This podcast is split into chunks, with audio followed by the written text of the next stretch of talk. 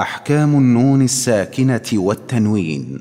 للنون إن تسكن وللتنوين أربع أحكام فخذ تبيني فالأول الإظهار قبل احرفي للحلق ست رتبت فلتعرفي همز فهاء ثم عين حاء.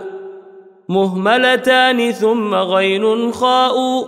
والثاني إدغام بستة أتت في يرملون عندهم قد ثبتت لكنها قسمان قسم يدغما فيه بغنة بينمو علما إلا إذا كانا بكلمة فلا تدغم كدنيا ثم صنوان تلا.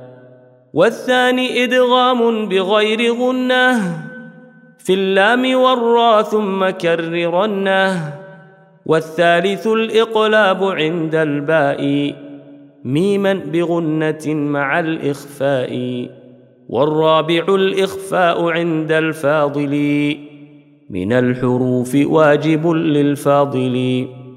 في خمسة من بعد عشر رمزها في كلم هذا البيت قد ضمنتها.